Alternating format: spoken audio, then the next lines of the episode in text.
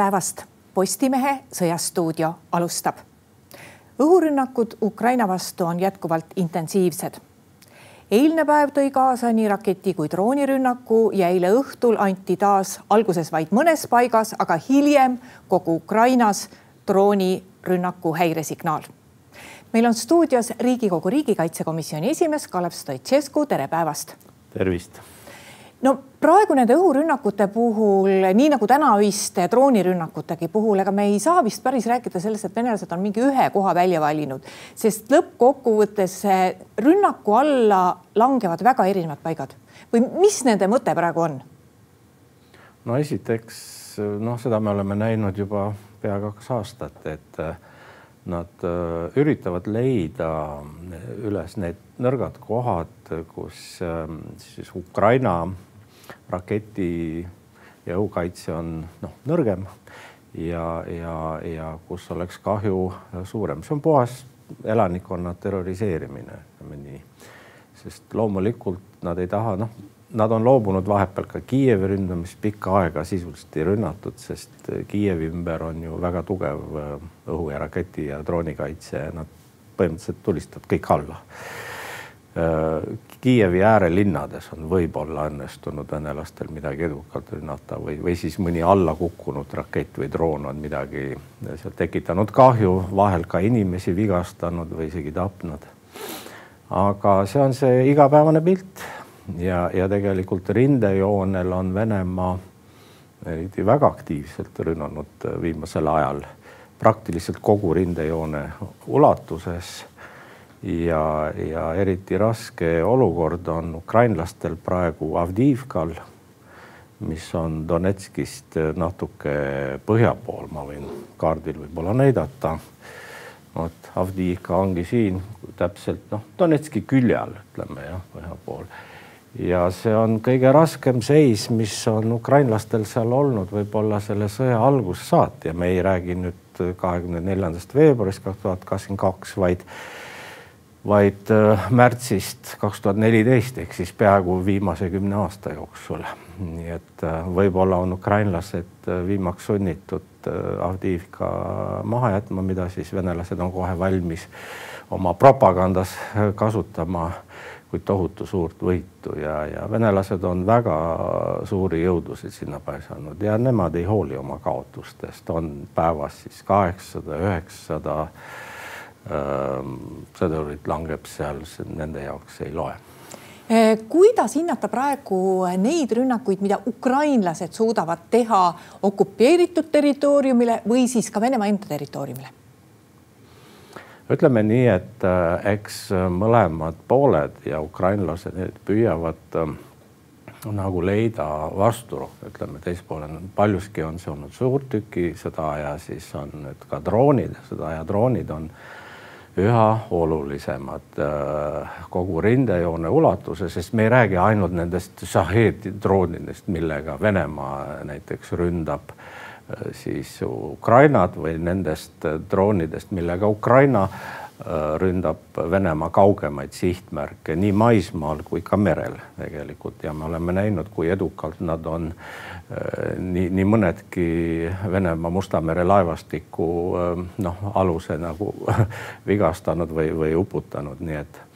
et me räägime ka taktikalistest droonidest, need on kummagi poole silmad, aga ühtlasi on nad ka ründedroonid on olemas, millega siis saab Äh,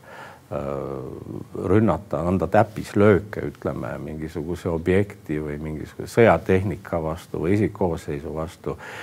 seal kuskil äh, kaevikutes ja nii edasi, nii et õhus on ju seal kogu aeg sadade kaupa neid droone ja neid tuleb ja noh, mingi sellise taktikalise drooni eluiga on võib-olla mõõde, kasulik eluiga on mõõdetav, ütleme tundidega teinekord, nii et ja neid tuleb toota ja toota ja toota. ma lisan siin ühe asja veel selle juures, et Ukraina on siis nüüd loonud äh, maailmas ainulaadse äh, väeliigi ehk siis drooniväe, nii et noh, vaatame, kuidas see tööle hakkab, sest droonid on väga kõrges hinnas, nagu ka piloodid, kes neid äh, siis juhivad, neid droone. me peaksime Ukraina puhul rääkima nüüd siiski ka Ukraina sisepoliitikast natuke. et eelmisel nädalal Ukraina enda väljaanded kirjutasid väga palju Ukrai-, võimalikust Ukraina kaitseväe juhataja tagandamisest ja sellest, et see, selle otsuse võib Ukraina president teha peaaegu iga päev. mis seal õigupoolest toimub? Äh, ma olen ka seda teemat kommenteerinud, kaasa arvatud Postimehele varem äh, ja tegelikult president Zelenskõi on loomulikult see, kellel on viimane sõna selles osas ja ta teab väga hästi, millised kaalutlused on mängus, et kindral Zalužnõi on äh, väga populaarne esiteks ja nüüd ongi küsimus, kuidas hinnata tema tegevust selle kahe aasta jooksul, eriti nüüd sõjas, sest äh, loomulikult ollakse pisut närvis, ütleme nii, sellepärast et äh, rindejoon on, kipub nagu takerdama, tekib selline patiseis, mis sobib Venemaale, kuid mitte Ukrainale ilmselgelt. Ukraina tahaks territoriaalseid võite rohkem äh, edeneda äh, maismaakoridoris, ka Donbassis, aga praegu tundub, et see noh,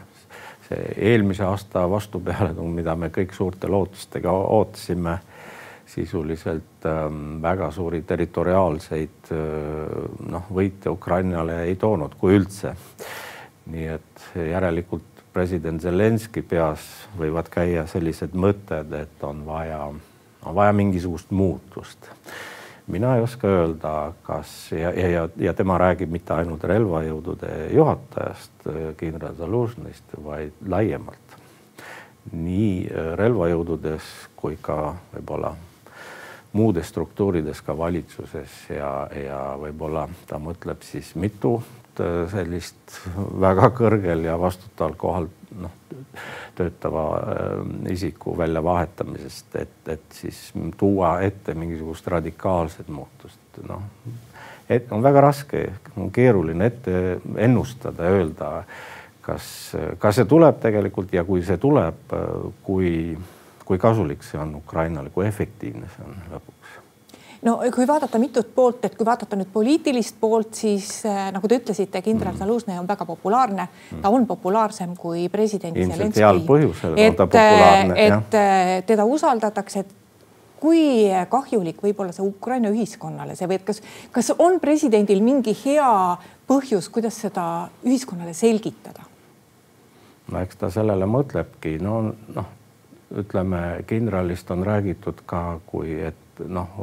president Zelenskõi justkui poliitilist rivaalist, noh, ta ei ole poliitik, ta on ja ma ei näe, et Zalužnõi peaks iseennast poliitikuks selles mõttes või tal oleks poliitilisi äh, ambitsioone, et äh, ja ma ei usu, et president Zelenskõi jah, teda peab oma poliitiliseks rivaaliks ja et, et siin on küsimus muus just selles, et teha mingi muutus, mis on väga riskantne minu meelest, et Äh, mis, mis nagu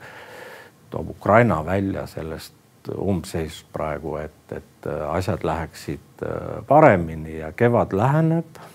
ja siis neid vahetusi ei saa teha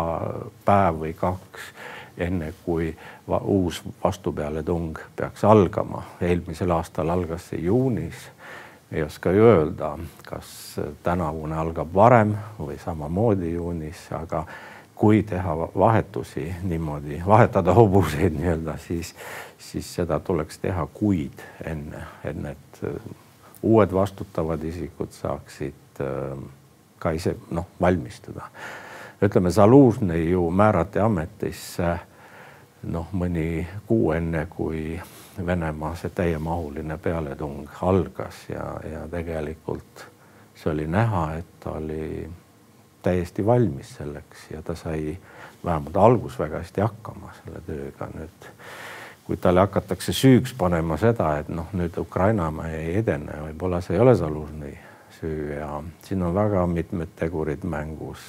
kaasa arvatud sõjaline abi, mida Ukraina saab, et on võimatu täita võib-olla teatud ülesandeid, teatud eesmärke, kui sul ei ole vajalikke vahendeid, ei ole kuni laskemoonani välja. No vot seda me olemegi rääkinud, et Ukraina edukus paljuski sõltub lääneriikide üha abist rohkem, üha ja üha rohkem, rohkem.. no samas kindlasti saab äh, selle olemasoleva abi puhul teha ka midagi rindel teisiti. siiani on kogu aeg öeldud, et eh, Ukrainas on siiski üritatud oma sõjaväge hoida et ei võeta liigseid riske, et mis, mis, mis variandid võiksid uuel väejuhatajal üldse olla, võtta rohkem riske? no aga Ukraina elanikkond on ju ka kordades väiksem kui Venemaa oma. ja see on selge, et nad peavad oma võitlejaid, oma rahvast hoidma, nemad hoolivad inimeludest, ka sõdurite eludest loomulikult äh, erinevalt äh, Venemaast. ja kui me vaatame äh, neid vägesid, mis on seal koondunud ühel teisel pool rindejoont äh, Ukrainal ja, ja agressorriigil Venemaal, siis noh, laias laastus võib öelda, et nad on enam-vähem võrdsed. Ja mis tähendab seda, et ei ole Ukrainal ka sellist ülekaalu, mis puudutab siis isikkoosseisu suurust, siis sõjatehnikat Eh, mis võimaldaks tal läbi tungida kuskilt ja, ja vabastada rohkem territooriumeid ja sellepärast on ka Zelenskõi rääkinud, president Zelenskõi ja nii mõnedki muud öö, eh, olulised isikud Ukrainas, et on vaja niisugust nagu tehnoloogiaga, kõrgtehnoloogiaga, seesama, needsamad droonid ja muud vahendid nagu öö, siis saavutada ülekaalu, et nüüd siis Venemaa jälle hoiatas seal üks asevälisministritest, kes hoiatas läänt, et äh, ärge andke mm, Ukrainale pikk, suurema tegevusraadiusega või laskeulatusega raketi, rakette ja raketisüsteeme, et, et see võib eskaleerida olukorda ja see pöördub nende relvade tarnijate enda vastu, noh, see oli hoiatus jällegi, see oli või ähvardus ähm, ilmselt Saksamaale, Prantsusmaale, Suurbritanniale, et et äh, sakslased jumala pärast ei annaks neid Taurus-rakette äh, Ukrainale ja, ja nii edasi, kuigi me ju teame väga hästi, et äh, kõik need relvasüsteemid ja raketid, mida on Ukrainale antud ja need täppismürsud ja nii, mis lendavad kaugemale kui ainult seitse seitsekümmend, kaheksakümmend kilomeetrit ka kuni kakssada kaheksakümmend näiteks. et need on antud väga äh, rangetel tingimustel, et, äh, et nendega ei rünnataks Venemaa territooriumid, vaid ainult okupeeritud alasid, sealhulgas äh, Krimm muidugi no Ukraina vajab kindlasti ka rindele mehi juurde ja vot üks suur dilemma ja mis võib olla ka nagu kaitseväe juhataja ja, ja poliitilise juhtkonna lahkheli on see, kui ranged panna need reeglid Äh, meestele, et nad peavad Ukraina eest sõdima. praegu jah, parlamendi menetluses äh, seal on üks selline eelnõu, aga kui äh, palju võib olla nagu saatuslikuks saanud ka või võib saatuslikuks saada Ukraina relvajõudude juhile see, et ta nõuab, et poliitiline juhtkond teeks karmimad reeglid selle kohta, et mehed peavad tulema sõdima? ja ma saan aru, et äh tema tunnetab neid vajadusi ja ka isikkoosseisu vajadusi ja ta teab neid kaotusi, mis neil on iga päev ja kui palju on vaja sõdureid juurde. et, et, et siis, ähm, et Ukraina relvajõud toimiksid ja mitte ainult, et hoida seda rinnet, vaid ta mõtleb kaugemale selleks, et edukaid äh, operatsioone äh, läbi viia aga siin on ju teised tegurid ka, needsamad poliitilised kaalutlused ja eks siis poliitikute asi on igas riigis, ka Ukrainas mõõta seda noh, nii-öelda temperatuuri, mida inimesed arvavad, kui valmis nad on sõtta minema. ka Ukrainast loomulikult nad on patrioodid, üheksakümmend, kui palju protsenti, me ei tea, peaaegu kõik tundub aga, aga noh, sõda on kestnud nii kaua, ka nemad hakkavad väsima, inimesed ja inimestel on peresid, on lapsi, noh, igasuguseid kaalutlusi on inimestel, kes tahavad, kes ei taha äh, rindele minna, aga need abipaketid on jällegi väga-väga olulised, ilma nendeta Ukraina ei saa kaua pikalt sõdida. Et äh, on kena küll, nad on hakanud rohkem ähm, tootma mingeid asju ja sõjatööstus natukene hakkab ähm, paranema Kiievi all näiteks äh, koostöös Türgiga rajatakse droonitehast, tehakse Bayraktare ja, ja on projekte ja asju, mis aga toimivad alles aastate pärast, mitte praegu kõige lähemas perspektiivis ja jumal tänatud, et Euroopa Liit kiitis selle viiekümne miljardilise abipaketi heaks. Ähm, noh, eks äh, Orbani valitsus sai aru, et, äh, et kui ei saa äh, Ungarist üle, siis saab ümber kuidagi. Ja siis äh, noh, lõpuks nad äh, tegid järelduse, et parem on ikkagi mitte blokeerida, et võib-olla saab midagi tingida veel ja ilmselt nad saidki seda, aga nüüd murelaps on nüüd USA jälle, et vaatame, täna peaks seal veel mingi lahe hääletus olema, et et isegi kui senatis lõpuks, kuidas iganes seda abi käsitletakse, eraldatakse, ütleme need piirijulgeoleku küsimused, USA-Mehhiko piirist räägime Ukraina ja Iisraeli sõjalisest toetusest, enne oli kõik kokku pandud, eks ole. et, et isegi siis, kas esindajate kojas, alamkojas läheb see pakett läbi no vot, meie Riigikogu esimees käis oma kahe kolleegiga Lätist ja Leedust äh, USA-s, Kanadas ja USA-s kohtusidki selle mm, esindajate koja spiikri Mike Johnsoniga ja tunnetasid vägagi, kui noh, raske see olukord on seal sisepoliitiliselt, nad ei taha president Bidenile enne valimisi plusspunkte anda. ja kui juba on noh, nii terav see vastasseis ja president Trump sisuliselt Eh, noh, ütles välja, et, et kes seda paketti toetavad, et on noh, suisa nagu reeturid või ma ei tea, noh siis, siis äh, see on pannud väga noh, raskesse olukorda paljusid vabariiklasi nüüd enne presidendivalimisi, mismoodi nad hääletavad ja. Eh, me ju nimetasime siin saates juba, et kevad on tulekul ja tegelikult see parim võimalik aastaaja mõttes pealetungi aeg hakkab lähenema missugust abi Ukrainal on loota veel sellel kevadel, et see saaks ajastatud õigeks ajaks, et kas praegu üldse on midagi õhus, mida nad võiksid täiendavalt saada või nad selle kevadpealetungi ajal peavad lootma sellele, mis neil on olemas? loodame, et see abi ongi sõna otseses mõttes õhus, me räägime lennukitest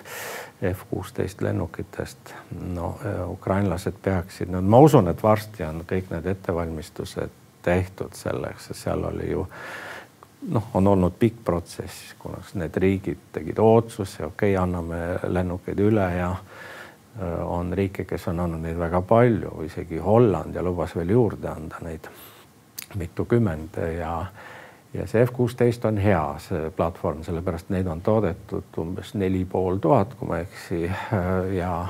neid saab alati ka välja vahetada, noh, kindlasti tulevad ka mingid kaotused mingi hetkega, see lennuk on ülihea, aga see ei tähenda seda, et on allatulistamatu igas olukorras.